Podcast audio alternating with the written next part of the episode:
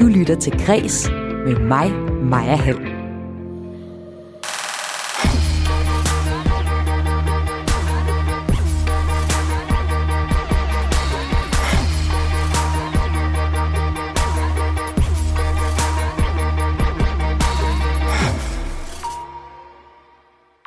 Det er svært at filme, når ens familie er i sorg eller i krise. Omvendt så får man som dokumentarist mulighed for at fortælle nogle unikke historier, når man retter kameraet mod sin egen familie. Det bedste, jeg har i, i mit liv, er, er, er, hvad skal man sige, er nogen, jeg holder af. Det er jo dig. Det her det er en kærlighedserklæring fra far til søn. Men ordene her, de falder først, da sønnen er voksen, og som dokumentarist stiller spørgsmålstegn ved farens fravær i hans opvækst. Her i dit daglige kulturprogram Kreds, hvor jeg i dag besøger to aktuelle dokumentarister på årets CBH Docs, der begge har filmet deres egen familie. Jeg taler med dem om fordele og ulemper ved netop det. Inden vi kommer til den historie, der skal det her i kreds handle om, at hvis vi forstår Ruslands præsident Vladimir Putin, så skal vi se nærmere på den tidligere sovjetiske statsleder Vladimir Lenin. Putin er nemlig begyndt at tale som Lenin. Det mener forfatter Leif Davidsen, hvis nye roman Lenins Bodyguard udkommer i dag. Og så kan du her i programmet også høre, at hver femte spillested eller festival nu har færre ansatte, end de havde inden coronanedlukningerne. De har været meget øh, hårdt ramt af restriktioner og har haft øh, meget færre gæster. Og derfor øh, bliver øh, økonomien øh, i organisationerne jo også øh, strammere, og, øh, og organisationerne bliver så også mindre. Men først i dagens udsendelse, så kan du høre fra modtageren af den helt store filmpris til weekendens Bodilfest.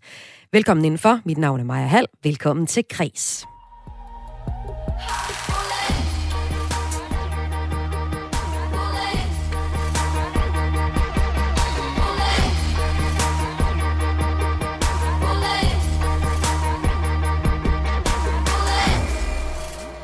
Instruktørdebutanten Lisa Jespersen vandt i lørdags prisen for årets bedste film til Bodilprisen 2022. Lisa Jespersen vandt prisen for sin spillefilmsdebut, der hedder Hvor kraverne vender, der handler om en kunstnerisk storbypige, som skal hjem til sin brors bryllup i udkants Danmark. Tilbage i august, der talte jeg her i Græs med instruktøren selv, altså Lisa Jespersen. Her fortalte hun, at filmen handler om hovedpersonen Lauras søgen efter identitet. Men den handler om en ung kvinde, som er vokset op ude på landet hos en familie, som er en landland, landmandsfamilie, og som øh, på en eller anden måde altid har følt sig som et sort får. Måske altid følt sig, som om hun er lavet af et andet stof, end der, hvor hun kommer fra.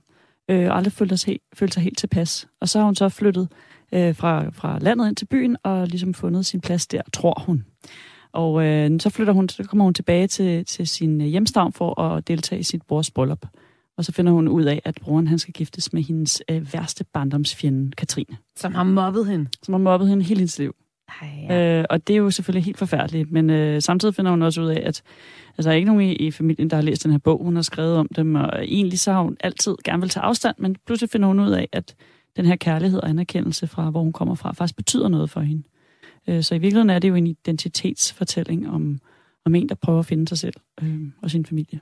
Ja, det er jo vores hovedkarakter, øh, Laura, eller som jo så faktisk har ændret navn til Irina i filmen. Også noget, der er et, et vigtigt omdrejningspunkt i filmen.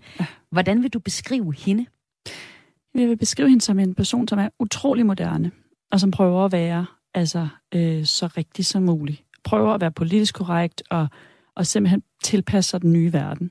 Øh, og derfor passer hun måske ikke så godt ind, der hvor hun så skal tilbage til sin hjemstavn, fordi der er de måske mere traditionelle og lidt mere den gamle skole, så derfor clasher de rigtig meget og har meget forskellige måder at se verden på. Altså, hvordan prøver hun at, at være rigtig? Øhm, hun prøver at øhm, ligesom følge med i de ting, som jeg også selv oplever, man måske skal følge lidt med i, når man øh, nu bor også i København. Altså alt fra, øh, man skal øh, tænke på, og, øh, for eksempel, at folk er anderledes end en selv, og det kan være alt fra ikke at være heteronormativ, og man skal også øh, tænke på, at man skal være ordentlig over for alle folk fra alle etniciteter. Og, og passe på klimaet. Og passe på klimaet. Alle mulige øh, ting, man ligesom skal forholde sig til. Jeg tror også, det er enormt forvirrende at skulle forholde sig til så mange ting lød det her fra instruktørdebutanten Lisa Jespersen. Det er de danske filmkritikere, der uddeler Bodilprisen, og i begrundelsen til at give lige præcis hendes øh, film, der hedder Hvor graverne vinder, prisen som årets bedste film, lægger kritikerne vægt på den måde, folk fra byen bliver portrætteret. De skriver i deres øh, begrundelse. Det er tydeligvis ikke kun på landet, at janteloven er blevet sprøjtet ind med modermælken.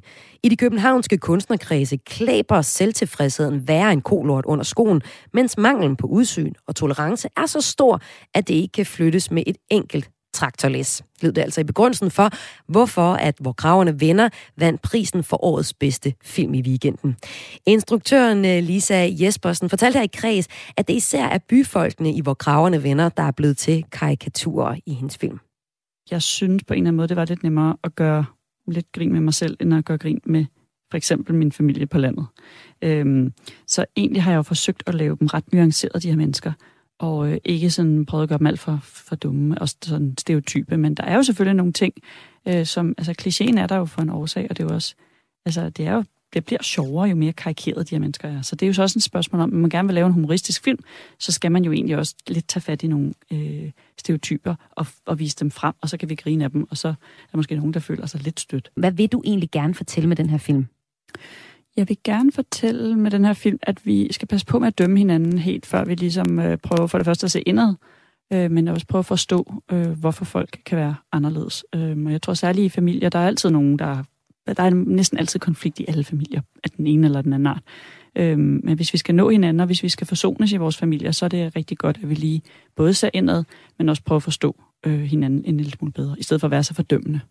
Lisa Jespersen er selv uddannet fra den danske filmskole fra 2017, og i sommer havde hendes øh, spillefilmsdebut, hvor kravene vender så premiere. Filmen sammenspød stod øh, mellem det moderne byliv og et mere traditionelt liv på landet, er også noget, hun selv genkender fra sin egen familie. Dog var hun øh, hun har langt bedre forhold til sine forældre end filmens hovedperson, fortalte hun, da jeg talte med hende for et halvt års tid siden. Det store drama, altså den der helt kæmpe afstandstagen, hun har øh, gjort, så den har jeg ligesom ikke gjort øh, på samme måde. Men der er virkelig et clash i mit eget liv, øh, når jeg kommer hjem til mine forældre. Prøv lige at beskrive det. Hvordan er det, du øh, tager bilen fra, fra København, ja. hvor vi også optager, eller sender og laver interviewet lige nu, ja. og så, øh, så kører du vestpå? Øh, nej, syd for Køge. Syd for Køge? Ja, øhm, der tager jeg ned. Hvad diskuterer I? Øhm, jamen, meget sådan øh, syn på verden. Altså klima, øh, mennesker, alt muligt, politik og sådan noget. Og der er vi øh, jeg ved ikke, om vi er meget uenige, men vi kommer bare på så forskellige verdener, fordi verden forandrer sig så meget. Øhm, og det kan altså godt skabe øh, meget stor øh, debat og frustration og sådan noget hjemme hos os. Og det har vi ligesom accepteret, og det tror jeg også er sundt, at man diskuterer tingene. Men nogle gange kan, det godt, kan man godt blive såret faktisk, ikke? Øh, fordi vi netop faktisk øh, udvikler os sådan nærmest væk fra hinanden, fordi at ja, verden er jo en ny verden hver dag, og øh, jeg tror måske, jeg øh, udvikler mig lidt mere med den, øh, hvor mine forældre måske bare ligesom er dem, de er. Hvad er noget af det, det største, I har diskuteret? Eller noget, du i hvert fald ved, det skal du lige bringe op, når du kommer hjem. Mm, jamen, det, jeg tror, klimaet er meget godt der bud, men det er mest fordi, jeg tror, øh, det, tror jeg også er en ting, man måske kan tænke lidt over. Hvis ens forældre øh, giver udtryk for, nej, nah, det er nu ikke så slemt, og sådan noget, så er det i virkeligheden også, fordi de måske heller ikke vil bekymre en. Så jeg tror, at rigtig mange af de sammenstød, vi har, dem ved vi ikke, at de er der, fordi at vi i virkeligheden prøver at beskytte hinanden. Øh, jeg har jo lyst til at komme hjem og sige, nu er det dommedag, nu går jorden under, og hvad skal vi gøre? Og, sådan, altså, og virkelig, altså, nu skal vi stoppe med at spise kød, nu skal vi altså, virkelig begynde at tænke over tingene, fordi jorden er faktisk altså, den er virkelig udfordret. Og der har mine forældre en tendens til at virkelig neddyste utrolig meget, og der kan jeg blive meget provokeret over det, fordi det er jo en verden, hvor vi skal tage et ansvar. Øhm, men jeg tror simpelthen, hvis jeg skal tænke mig om, så tror jeg, at de siger det for at beskytte mig på en eller anden måde, eller for, at vi også skal have det hyggeligt med hinanden, og det er jo den store diskussion. Skal man, skal man ødelægge den gode stemning? Eller skal man øh, ligesom øh, drage ind i det, der er svært, og det, der gør ondt måske, og er farligt? Og filmen, hvor graverne vinder, ja, der bliver den gode stemning altså ødelagt et par gange eller to. Her var det filminstruktøren selv, øh, Lisa Jespersen, som altså har fået filmkritikernes pris for årets bedste film. Det fik hun til weekendens Bodil-uddeling. Bodil-uddeling. Branchen selv er også glad for filmen ved filmbranchens prisuddeling. Robert-prisen tilbage i februar, der vandt Lisa Jespersen også prisen, og det gjorde hun øh, for årets instruktør, og filmen, hvor Kraverne Venner vandt priserne for årets bedste danske spillefilm og årets originale manuskript. Om lidt her i dit daglige kulturprogram Kreds skal det handle om, efter to år i coronaens skygge, så kæmper kulturlivet stadig med at indhente det forsømte og komme på ben igen. Næsten hver femte af Dansk Lives medlemmer har færre ansatte i dag, end de havde før pandemien. Men før jeg kommer til den historie, så får jeg besøg af Ruslands forfatteren Leif Davidsen. Du lytter til Græs med mig, Maja Hall. De har ikke kun øh, fornavnet til fælles. Vladimir Putin minder også på mange måder om sin brutale forgænger, Vladimir Lenin. Og nu er de sågar begyndt at lyde ens. Det fortæller forfatter Leif Davidsen, der i dag udgiver romanen Lenins Bodyguard. Og tillykke med den, Leif Davidsen. Mange tak for det. Og velkommen til Græs også. Mange tak. La Elenens Bodyguard, øh, din øh, historiske roman, starter i 1910 og handler om den øh, fiktive tidligere soldat. Så ret specielle venskab med øh, den mand, hele verden kommer til at kende som den sovjetiske leder, Vladimir Lenin. Historien tager udgangspunkt i Vladimir Lenins faktiske besøg i København og handler så om den russiske revolution og øh, Lenins vej til magten i det tidligere Sovjet. Vi skal om lidt dykke ned i, hvordan Lenin og Putin minder om hinanden.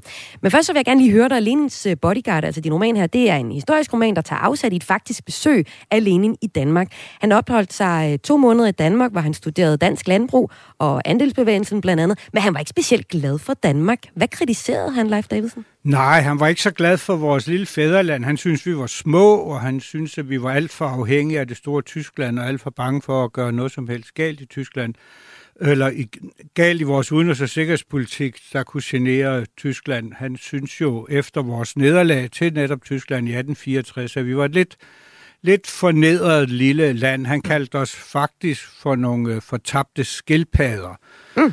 Og han synes, at sådan en mand som Torvald, Torvald Stavning, som jo senere blev statsminister, som var Socialdemokratiets formand dengang, og lidt mere revolutionær end Socialdemokraterne er i dag. Men Lenin kunne ikke lide ham. Han var revisionist, og han troede på parlamentarismen, mens Lenin jo troede på den væbnede revolution, og det var den eneste vej for proletariatet til magten. Så han havde ikke de store de store, hvad hedder det, han synes ikke så vildt meget om Danmark. Jeg var glad for, øh, for eksempel, han var meget, meget glad for det kongelige bibliotek, hvor mm-hmm. han mhm. sad og studerede andelsbevægelsen. Han synes, det var veldrevet, det var nogle meget, meget dygtige bibliotekarer, og det er rigtigt nok, han var jo en brutal mand, en revolutionens bogholder, men Lene var også meget belæst mand, så han kunne ikke se et bibliotek uden at gå ind i det, så han havde en stor viden om biblioteker. Men danskerne, nej. Han, han kunne ikke lide for eksempel øh, spejlæg og brasse kartofler, når han fik det. Det synes han også var meget dansk. Og øh, da han en dag fik tilbudt på sit beskedne pensionat en gang forloren skildpadde, så grinede han og sagde, eller jeg ved ikke, om han grinede, men han sagde i hvert fald ikke engang en ægte skildpaddesuppe kan I lave. Det er derfor, han kaldte os for nogle fortabte skildpadder. Mm, ja, han var lidt mere til ja, den væbnede revolution, som du også er Han var på, udelukkende, til, skulle være gang udelukkende i, til en væbnet revolution. Ikke det der forlovende noget, ikke? Nej. 100 procent. Og din uh, historiske roman, Lenins Bodyguard, uh, den er faktisk blevet ved, ved tilfælde helt ekstraordinært aktuel med Ruslands invasion af Ukraine. Uh, derfor er det også særlig interessant at se på, hvordan du mener, at uh, Lenin minder om Putin. Og øh, den russiske revolution er et centralt omdrejningspunkt i din roman. Øhm, den russiske revolution fandt jo et sted for over 100 siden. Øhm, hvorfor har du valgt den her historiske begivenhed som et omdrejningspunkt i, i romanen? Ja, du skal jo først og fremmest holde fast i, at det er en roman, altså fiktion, hvor der optræder min fiktive karakter, mm-hmm. blandt andet hovedpersoner mm-hmm. og en mhm. række historiske karakterer. Det er jo ikke en historisk afhandling eller en topografisk beskrivelse af København 1910. Det er en roman om dansk-amerikaneren sønderjyde Oscar Madsen, som møder Lenin og bliver hans ligesom uofficielle bodyguard i København, og så senere kommer til revolutionen. Det synes jeg er vigtigt at understrege, at det, det er en roman. Og hvorfor har jeg valgt den? Jeg, alle mine romaner begynder med en hovedperson. Jeg får en idé til en person, og så går jeg og tænker lidt over, hvad kan han bruges til, hvor kan han komme hen? Og min hovedperson, Oscar Madsen, opstod for mange år siden i 2012 ved øh, slagmarken for Little Big Horn, hvor i hvor general Custer blev massakreret af Sioux og Cheyenne-indianerne, Sitting Bull og Crazy Horse. Og der var en, på, på den mindetavle, eller mindested for de faldende hvide øh, kavalerister i det syvende kavaleri, der var et navn, Oscar Matson. Og jeg var overbevist om, at han var dansk, og han var ikke mere end 17-18 år. Og det var sådan, jeg tænkte, at han kunne være en hovedperson. Og så oveni har jeg i mange år gået og tænkt på, at det var mærkeligt med Lenin, der var en eftersøgt revolutionær, at han kunne gå rundt fredeligt i København, uden at Sarens hemmelige agenter, der var i byen, ikke tog fat i ham, stak en kniv med maven på ham og smed ham i havnen. Men det var altså meget fredeligt, at han gik rundt her. Men jeg lader ham så overfalde, og så bliver han reddet af min hovedperson. Og så udviklede det sig til, mens jeg skrev og researchede romanen og gik tilbage i de historiske kilder, at det faktisk øh, var meget godt og meget væsentligt for mig at se, hvor meget der i dagens Rusland, fra Putin, i Putins Rusland, hvor meget der er en, en grum og grim arv fra i virkeligheden den russiske revolution og de 73 år med kommunismen.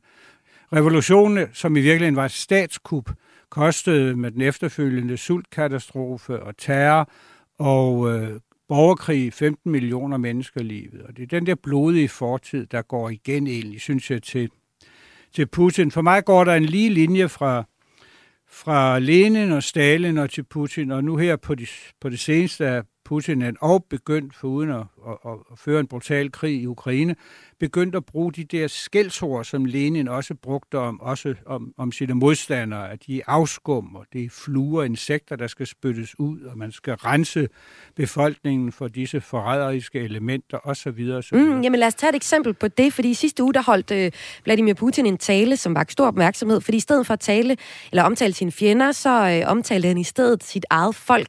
Øh, vi kan lige høre lidt af det. Det lyder sådan her, når øh, præsident øh, Vladimir Putin taler. Любой народ, а тем более российский народ, всегда сможет Ja, og det Putin her siger er, at alle, og især russere, kan altid skille forrædere og udslinge fra sande patrioter ja. og spytte dem ud som insekter, de får i munden. Og han siger også til sidst, jeg er overbevist om, at en naturlig udrensning vil styrke vores land. Leif Davidsen, hvordan ser du Vladimir Putins ord minde om noget, øh, Vladimir Lenin kunne have sagt? Jamen, han, kunne, han brugte også nogle ord om sine virkelige og indbildte fjender. De var afskum, de var kakalakker, de var rotter, de skulle udryddes de skulle fjernes, øh, øh, og der skulle så, altså i proletariatets diktatur skulle alle de fjenderne være væk. Og i min roman er det derfor, han, han stoler på min danske fiktive hovedperson, fordi han er overhovedet ikke interesseret i politik, og Lenin talte og skrev og drømte om politik, fra han stod op til, han gik i seng. Men da, da min hovedperson ikke er interesseret i politik, så er han ikke nogen rival, ellers så alle i hans nærhed, der så Lenin alle som øh, potentielle rivaler, og lidt som jeg faktisk også tror, Vladimir Putin øh, øh, gør i dag. Så det er sådan en, et retorisk, er der pludselig bygget en bro fra det nuværende regime i Rusland og frem til, til oktoberrevolutionen, som jo fandt sted der i 1917. Så det, jeg, jeg, jeg synes, øh, da jeg hørte den tale, du refererer til mm. første gang, synes jeg, det var meget, meget uhyggeligt og, og, og mærkeligt at, at høre ham bruge ord, som jeg ikke har læst nogen bruge siden øh, altså Stalin-tiden. Hvorfor synes du det? Ja, for det er, man betaler om andre mennesker og selv sine politiske mm. modstandere som afskum og, og insekter, der skal spyttes ud. Det er jo en måde at se på øh, mennesker på, som er meget, meget uhyggelig, altså, som jo minder om Hitler og hans syn på jøder for eksempel. Det minder om, om Lenins syn på sin politiske modstander. Lenin var sådan en revolutionsbogholder. Han, han fik ikke blod på hænderne. Han sad og støbte kuglerne, og så var det Trotsky, der under borgerkrigen førte tropperne i, i, i, øh, i krig. Og det har læst mig til, at... Og det kan, jeg ved ikke, om Putin er sådan, men mm. altså, det har læst mig til, at... Øh, men Lenin, det var, han var sådan meget lojal over for de mennesker, han holdt af og var tæt på ham, hans mor, hans elskerinde og hans kone. Men almindelige mennesker, altså hvad kan man kalde det, befolkningen, folket, massen, det, det sagde ham ikke noget. Det var bare, som han sagde, møtrikker i revolutionens øh, store jul, og jeg har lidt på samme måde med Vladimir Putin, altså han, han, han lyver så stærkt som en hest skal rende og siger, vi bomber ikke civile mål, og alle os, der sidder og ser tv herude i vores del af verden, vi kan jo se, at Mariupol er bombe sønder sammen, og den ene boligblok efter den anden falder sammen, fordi det bliver ramt af missiler og artilleri, artillerigranater og hvad ved jeg. Og det er den samme, det er den samme ligesom fuldstændig mangel på empati for andre mennesker, og især for ukrainske modstandere, som man også finder i, i Lenin. Og derfor at desværre, for det er en ualmindelig trist baggrund, desværre er min øh, historiske roman alt, alt for aktuel i dag. Jeg ville hellere være, have, den var dybt forældet, og at vi havde et helt andet demokratisk Rusland, mm. som var kommet ud af den sovjetiske aske, men det har vi desværre ikke. Tror du, vi kan få det? Altså, jeg er en type menneske, som nægter at se dystopisk på tilværelsen. Det mener jeg ikke, man kan, når man sætter børn i verden, der selv har fået børn, og så vi har børnebørn. Jeg håber det, øh, men jeg er ikke optimist lige nu. Jeg har i mange år tænkt, at øh, der kommer en ny generation i Rusland, der er meget vestlig orienteret, veluddannet, kan engelsk, rejser, har en anden software i hovedet. Man, de går i det samme tøj, som vi går i, og ser, hører den samme musik, og er, er meget internationalt international orienteret, er på en vis måde de sidste 30 år, der født sådan en middelklasse, som Rusland aldrig har kendt før.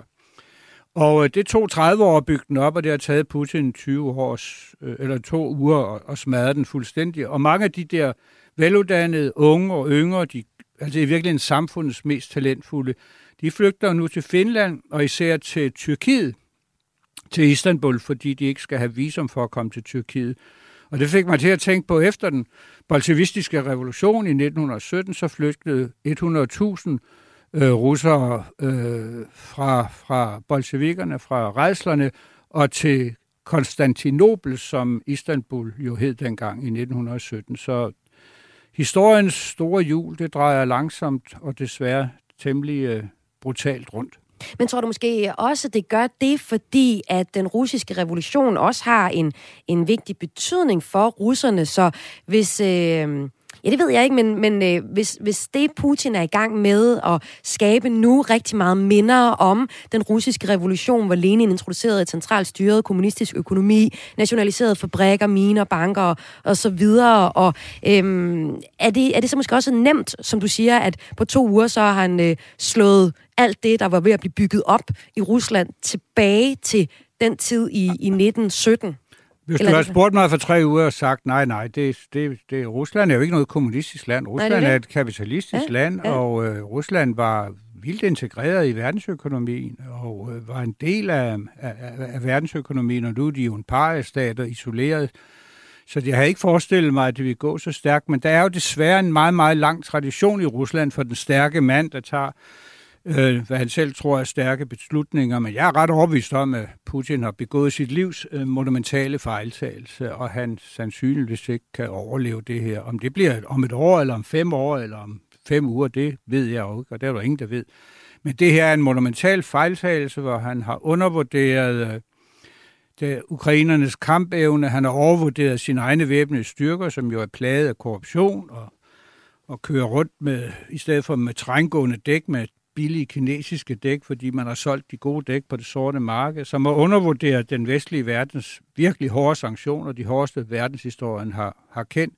Så han sidder du der i Kreml og øh, ved ikke rigtigt, hvad, tror jeg, hvad, hvad der foregår, for at vide det, hans nærmeste gerne vil have, at han får at vide, fordi de vil helst ikke uh, give, sige noget til ham, der, som kan gøre ham vred, og dermed kan de miste deres uh, privilegier. Så der, der, der er ligheder mellem, at du har en stærk, uh, stærk mand i toppen af Kreml, men ellers er der, er der meget stor forskel på dagens Rusland og det der fattige tilbagestående mm. Rusland i 1917. Men om ikke andet, så ser du i hvert fald en sammenligning mellem øh, Lenin og Putin. Fuldstændig. Og, og Leif Davidsen, tusind tak, fordi du var med i kreds til at fortælle om det, og fortælle udgangspunkt i din øh, roman, som har premiere, skulle sige, som bliver udgivet i dag, Lenins øh, Bodyguard. Tusind tak. Selv tak.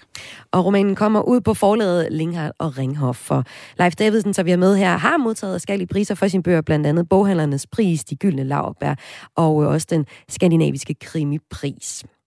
Om lidt her i dit daglige kulturprogram Kreds her på Radio 4, der skal det handle om, hvordan man egentlig filmer sin egen familie. Hvad er det gode ved det, og hvad er det dårlige ved det? Det skal jeg tale med to aktuelle dokumentarister om senere her i udsendelsen. Men først skal det handle om, hvordan kulturlivet stadig er mærket af de sidste års to corona-nedlukninger, åbninger, nedlukninger og åbninger, og ja, det fortsætter jo bare. Du lytter til Græs med mig, Maja Hall. Selvom alle restriktioner for kulturlivet blev ophævet den 1. februar, februar, så kæmper kulturlivet stadig med at komme tilbage igen og indhente det forsømte. Næsten hver femte spillested, koncert og festivalarrangør har færre ansatte en dag i dag, end de havde øh, for to år siden, altså inden coronapandemien. Det viser en undersøgelse, brancheforeningen Dansk Live har lavet blandt deres medlemsorganisationer. Spillestedernes kamp for at komme på fod igen efter coronapandemien spejler en generel tendens i kulturlivet, hvor fyringer har været aktuelle. For eksempel har det været en konsekvens på Nationalmuseet. Det hørte vi i sidste uge. Om lidt her i kreds, der skal du møde et spillested, hvor øh, det modsatte har været tilfældet. Her har de faktisk flere folk nu end før corona, men øh, problemerne er nu det samme.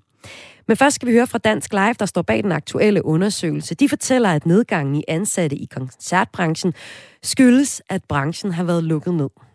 Jamen, det har jo påvirket både spillesteder og festivaler på den måde, at de øh, ikke har kunnet lave de aktiviteter, de plejer. Øh, de har været meget øh, hårdt ramt af restriktioner og har haft øh, meget færre gæster, end de, øh, de normalvis har haft. Og derfor øh, bliver øh, økonomien øh, i organisationerne jo også øh, strammere, og, øh, og organisationerne bliver så også mindre lyder det her fra sekretariatschef i Dansk Live, Esben Marker, der mener, at der er behov for et statsligt genstart af livebranchen.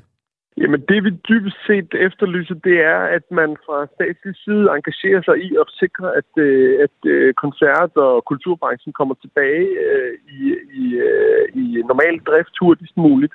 Man kan sige, at publikum er mange steder vendt fuldt tilbage. Nogle steder tøver de stadig med at komme tilbage, og, og mange steder er man, ligger man underdraget efter de her to års øh, øh, aflysninger og meget hårde restriktioner. Og det er jo noget, man, man kan sige har været ramt af, fordi at andet har kunne, kunne lade sig gøre og gennemføre, og, og andre dele af samfundet har været åbne. Og vi mener selvfølgelig, at man, man burde øh, aktivere en sådan statslig genstartspulje, som, som kan give øh, spillesteder og festivaler mulighed for at for at søge nogle midler til at komme, øh, komme tilbage i fuld, øh, i fuld gear igen. Kan man ikke sige, at det her det er et af de tidspunkter, hvor man bare må lade falde, hvad ikke kan stå, og hvis behovet er der, så skal der nok komme nogle nye spillesteder igen, hvis der er nogen, der ikke kommer igennem? Man kan sige, det, det vi ser lige nu, det er, at efterspørgselen er der sådan set hos, hos øh, forbrugerne. Øh, men, men problemet er, at man nogle steder faktisk ikke kan, kan stå mål med, med det, man plejer at gøre. For eksempel på festivalområdet, hvor man øh, har mistet en, en masse frivillige, øh, som, som følger af corona-årene, øh, hvor, hvor folk er sivet og øh, ikke er vendt tilbage i samme omfang, de er tidligere. Og der har man brug for hjælp til at få aktiveret de frivillige netværk igen. Man har måske brug for hjælp til at få opkvalificeret nogle... Øh, nogle mennesker til at være ledere i, i frivillige organisationer, som tidligere har været med i øh, frivillige osv. Så, videre. så, så øh, jo, man kan sige, hvis behovet ikke er der, øh, så skal man selvfølgelig ikke understøtte noget øh, unødigt, men, men øh, publikum vil rigtig gerne på festival, publikum vil rigtig gerne øh, til koncert. Øh, problemet er, at man ikke alle, alle steder kan, kan løfte de opgaver, der er i forbindelse med, med de øh, aktiviteter, man, øh, man har planlagt. Lød det her fra Dansk Lives Esben Marker, der havde talt med min kollega Søren Berggren Toft. Spillestedernes kamp for at komme øh, tilbage igen efter coronapandemien, den spejler jo en helt generel tendens i kulturlivet. Altså i sidste uge kunne Nationalmuseet meddele, at de måtte tilpasse økonomien 2023 og fyre 20 medarbejdere, fordi de forventer, at der kommer færre turister de kommende år. I onsdags kunne vi her på Græs fortælle, at blandt andet øh, brancheorganisationen Dansk Teaters medlemmer har 94 procent været, altså blandt dem har 74 procent været tvunget til at aflyse forestillinger på grund af covid-19 siden 16. januar i år, hvor alt jo ellers har været åben. Det fortalte direktør i Dansk Teater, Peter Mark Lundberg. Jamen det vi hører fra vores medlemmer, det er, at øh, den her enorme usikkerhed, der er i, at der er, er og har været tårnhøj smitte i samfundet, gør, at man jo ikke simpelthen ved, om man kan gennemføre sine forestillinger. Øh, det er klart, at hvis man har otte mand på en scene, og de to bliver smittet, øh, den ene dag med corona, og de næste to bliver smittet tre dage efter osv., så, så øh, bliver alle prøveplaner og forberedelser simpelthen så øh, presset og usikre, at man, man ikke kan nå at gøre sine forestillinger øh, færdige. Selvom alle restriktionerne er ophævet igen, er der altså en generel tendens blandt de danske kulturinstitutioner til, at to år med restriktioner og nedlukninger og genåbninger har ført til udmattelse og en pukkel af opgaver, der nu skal løftet, løftes. Og et af de steder, hvor man øh, mærker den effekt, det er på spillestedet Gimle i Roskilde, hvor min næste gæst er leder. Lars Slot, velkommen til Kreds. Tak skal du have. Ifølge Dansk Live har næsten hver femte spillested, øh, koncerter og festivalarrangører færre ansatte i dag, end de havde i 19. Hos jer der er det, det modsatte. I har flere ansatte. Hvad skyldes det? Jamen, det skyldes simpelthen, at vi har så meget at lave. Øh, altså, det, det er ikke... Når, når folk spørger mig, om hvordan går det, jamen, vi er super travlt. Det må være fedt. Ja. Det er det faktisk ikke, fordi det er en pukkel af arrangementer, det er en pukkel af opgaver, øh, som ligger, øh, som vi ikke har kunne komme i gang med før nu.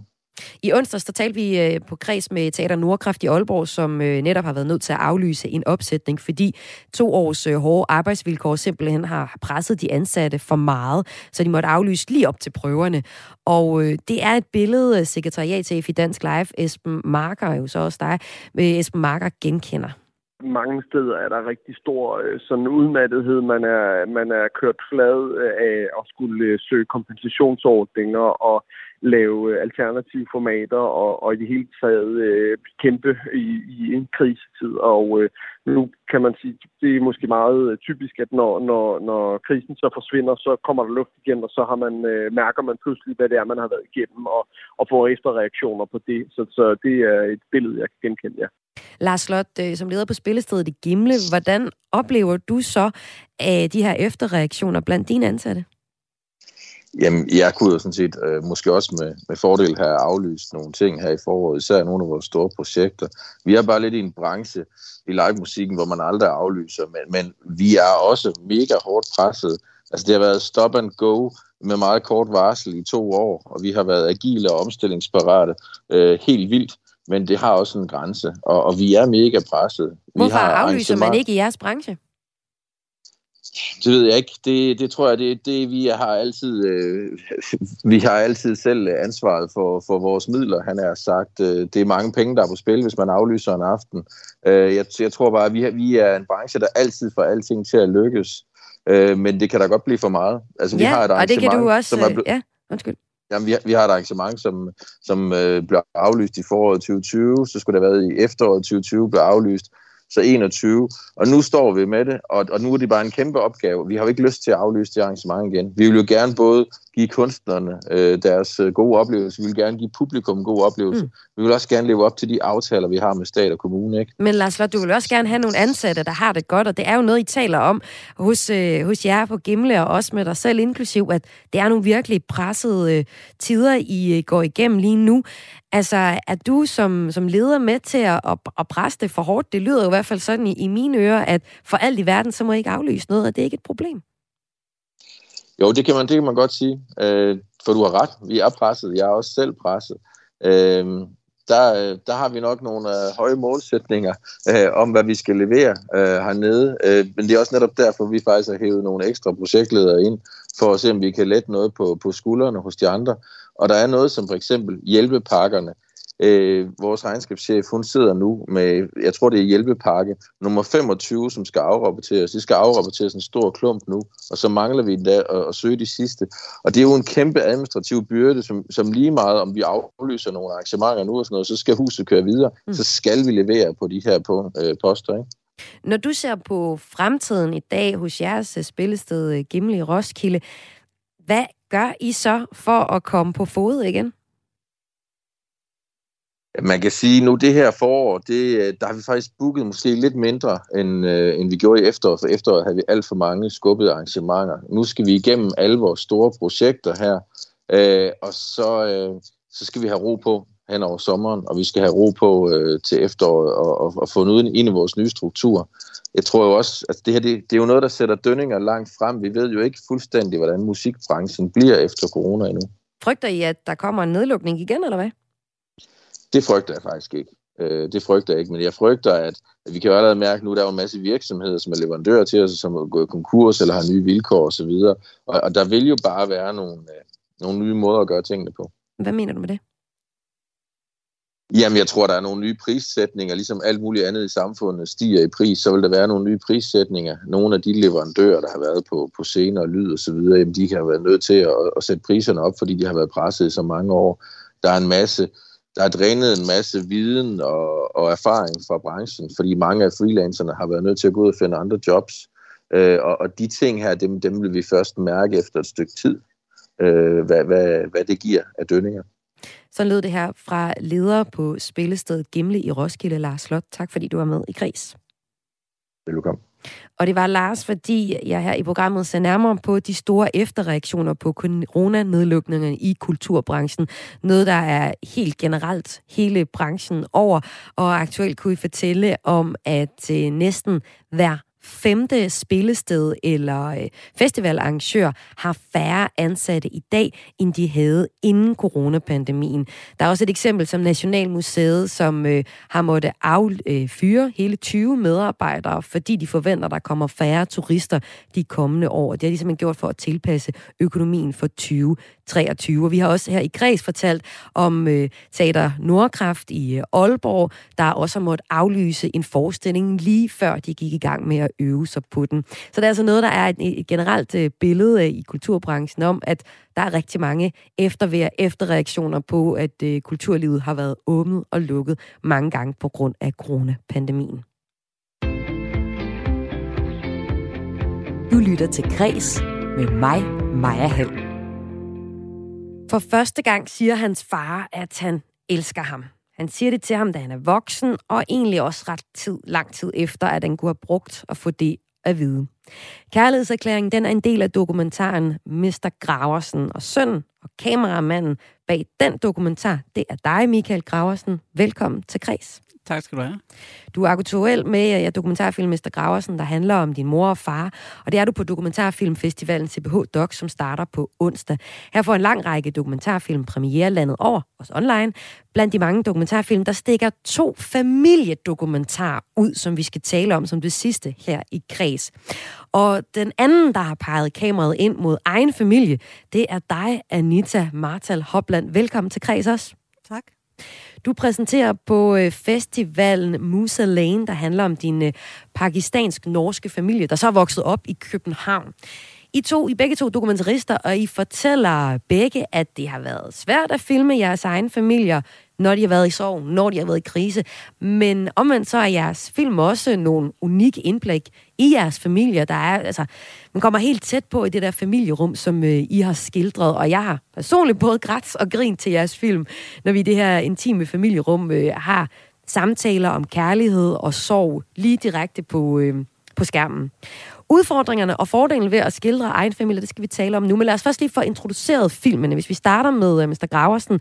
Den er du, Michael Graversen. Den er du instruktør på, og Mr. Graversen er din far. Og dokumentaren handler om, hvordan han efter år med alkohol og også løvende piller, nu forsøger at genvinde din mor igen.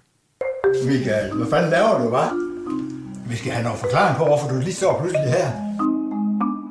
Min far ringede for nylig til mig og fortalte, at han nærmest havde det, som om han var blevet genfødt. Skal jeg det der? Da jeg var lille, havde han en tøjbutik. Skjorte til her, ikke også? Prikken over i, så kommer skoene nu. Dem henter jeg lige. Men en dag faldt det hele til jorden. Hvor fanden er du hen? Jeg blev alvorligt syg. Mor, skal jeg dø nu? Det var helt forfærdeligt. Min mor og jeg flyttede ind på hospitalet, mens min far sad derhjemme i en døs af alkohol og piller. Jeg havde ikke nogen at snakke med det om.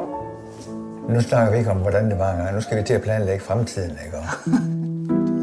Efter et år langt misbrug er han nu fast besluttet på at genvende min mors kærlighed. Det skal ikke du der, vel?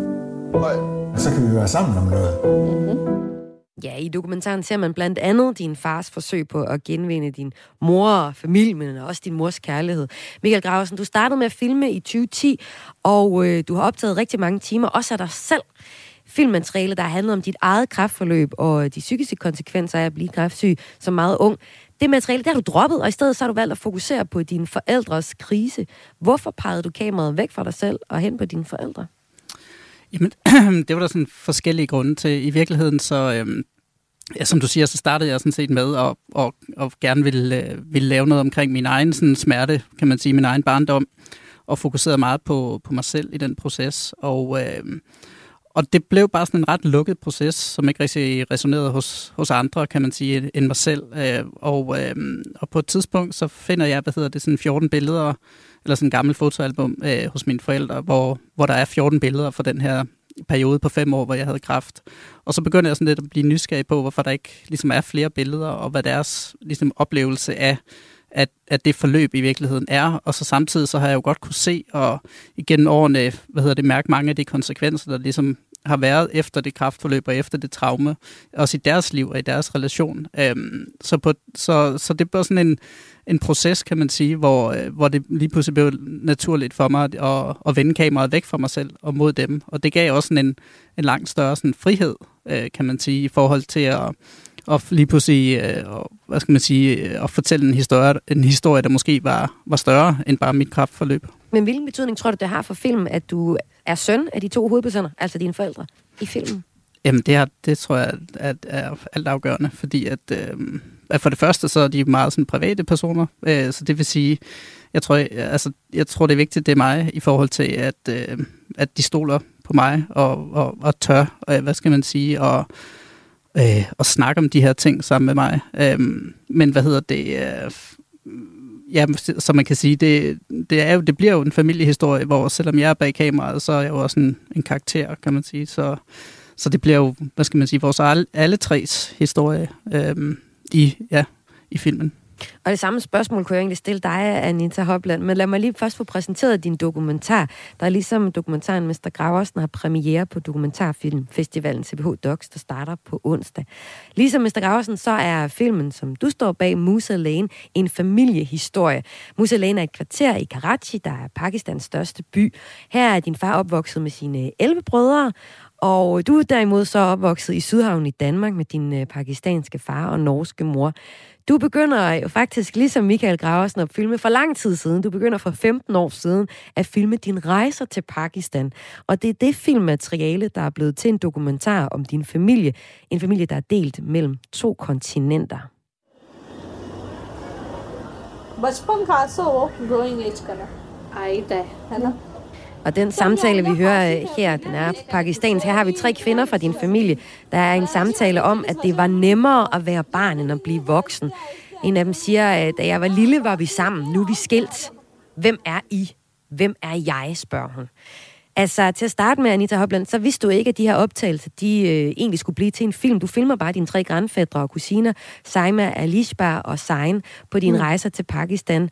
Deres liv er meget anderledes end dit, og det liv, du lever sammen med dine søskende hjemme i Danmark. Hvornår finder du ud af, at dine videooptagelser skal blive til en dokumentar?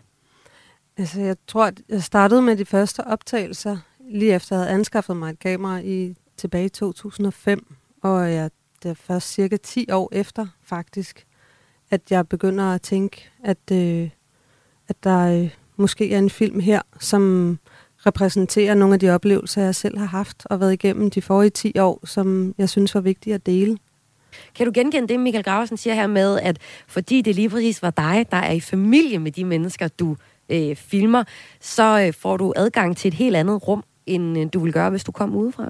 Ja, i allerhøjeste grad. Men også i kraft af, at det jo er den tid. Altså, jeg tror ikke, at man, med mindre det er ens familie, at man ligesom tager, tager til, til Musalene i, i 15 år hvert år. Mm-hmm. Øhm, så der er også noget i forholdet til bare den tid, der ligesom går, at, at relationen selvfølgelig også bliver tættere og tættere i kraft af det. Og de skulle jo også på det tidspunkt, hvor jeg begyndte at tage ofte til Pakistan, skulle de jo også lige så meget lære mig at kende på en anden måde, i stedet for at jeg bare kom tilbage i 2005, og så kom jeg 10 år senere. Så vores, vores bånd og vores relation blev også tættere og tættere med tiden. Hvad er det for en historie, du gerne vil fortælle med dokumentaren Mus alene? Jamen, der, er jo, der er flere historier, men, men jeg synes, det har været vigtigt på en eller anden måde at snakke om de forskelligheder, som der selvfølgelig er, men ikke, ikke kun forskellighederne, men også alle de ligheder, der også er i Mellem de Pakistan og, og Danmark? Ja, som jo i virkeligheden er to meget forskellige verdener, men, men jo længere tid man er der, så begynder man også at, at kigge på nogle af de ting, der binder os sammen. Og de blev stærkere og stærkere og tydeligere og tydeligere med, med tiden. Og det er jo helt tydeligt for os, dem der lytter med, at jeres to dokumentarer, de er jo vidt forskellige, de er to forskellige tematikker, og så alligevel, de handler jo begge to om jeres familier, og det er det, vi dykker ned i som det sidste her i Kreds i dag. Altså jeg ser på, hvordan det er at lave en dokumentarfilm om sin egen familie. Og med mig har jeg altså to aktuelle instruktører, der præsenterer deres dokumentarer på CPH Docs, der starter øh, onsdag. Og hvis jeg nu skal tage et eksempel så fra, øh, lad os tage et eksempel fra, fra din film, Michael Graversen.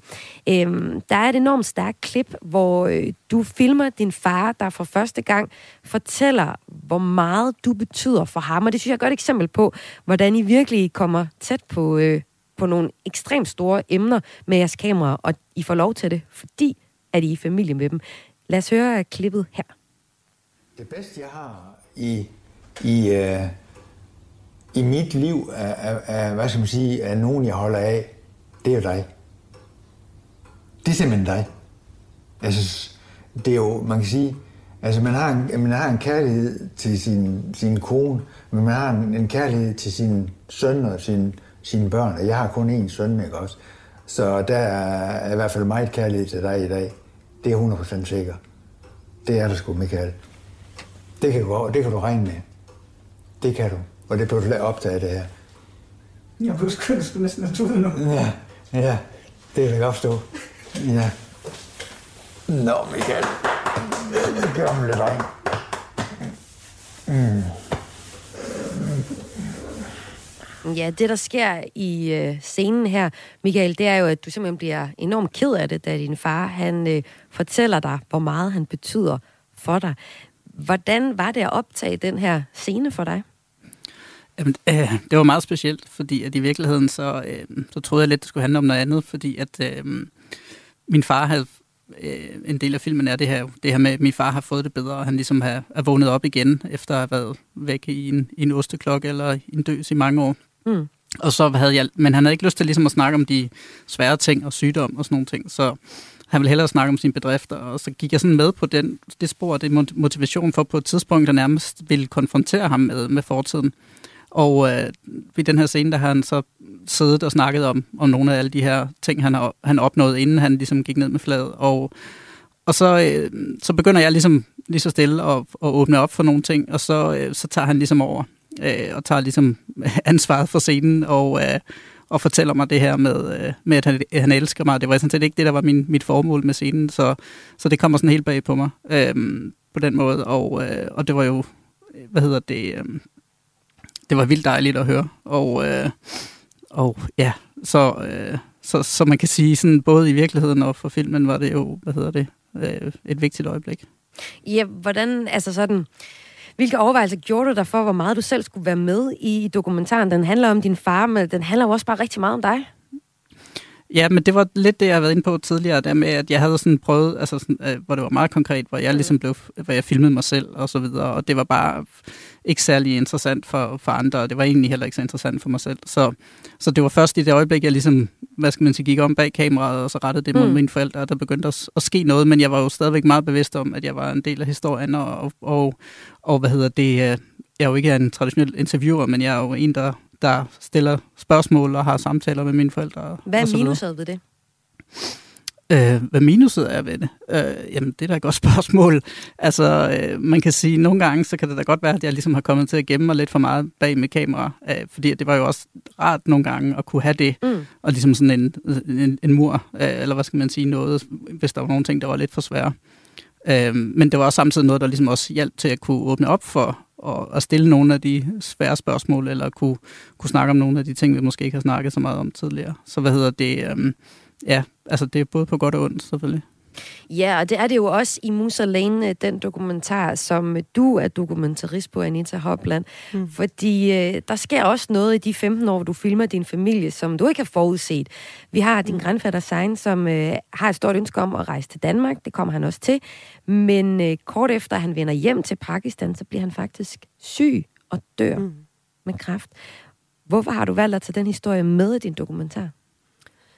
Altså, han, efter han havde været i Danmark, så gik der jo en, en måned cirka, øh, hvor han havde nogle smerter i maven, som han ikke vidste, hvad var på det tidspunkt. Og så fik han svar på en biopsi i starten af oktober måned, og levede så kun lidt over to måneder efterfølgende, så det gik meget hurtigt, hele den proces. Og, øh, og vi var selvfølgelig alle sammen i Danmark i chok og i stor sorg over at have mistet ham så hurtigt, altså fordi han noget lige akkurat at være 24 i en uge, inden han døde. Og hele familien i Pakistan har selvfølgelig været omkring ham, altså fysisk, og været på hospitalet og prøvet at finde ud af, hvad der foregik, og hvad kan man gøre i den situation, og hvad betyder den operation, og så kom der en til og en til. Øhm, så det gik så hurtigt, at, at altså man, man handler jo bare, når man er i sådan en situation, hvor man prøver at redde et menneske, som man ikke er helt bevidst over, eller har lyst til at indse at være forsvinde fra ens liv. Så jeg var ikke klar over, da jeg så, efter han døde, kom til Pakistan med min far på det tidspunkt, at, øh, at han skulle være en del af filmen. Men jeg snakkede med min, pakist, med min pakistanske del af familien, som, som øh, jo godt i nogle år havde vidst, at jeg var, nu var jeg i gang med at lave en film ud af alle de her optagelser. Og hans historie er jo også sind, sygt stærk. Det er en historie, der viser lige præcis det her med at være en familie splittet over to kontinenter. Hvordan vores øh, røde pas, det øh, giver os adgang til at rejse alle mulige steder hen. Men for øh, Sein her, så er det jo overhovedet ikke nemt at få lov at komme til Danmark og besøge mm. sin familie. Det får han så til, til sidst lov til. Og så øh, ender det jo bare rigtig tragisk med ham, og det gør mig også ondt, og det gør det også, når vi snakker sammen nu, øh, at, det, at det også er en del af, af din familiehistorie. Mm.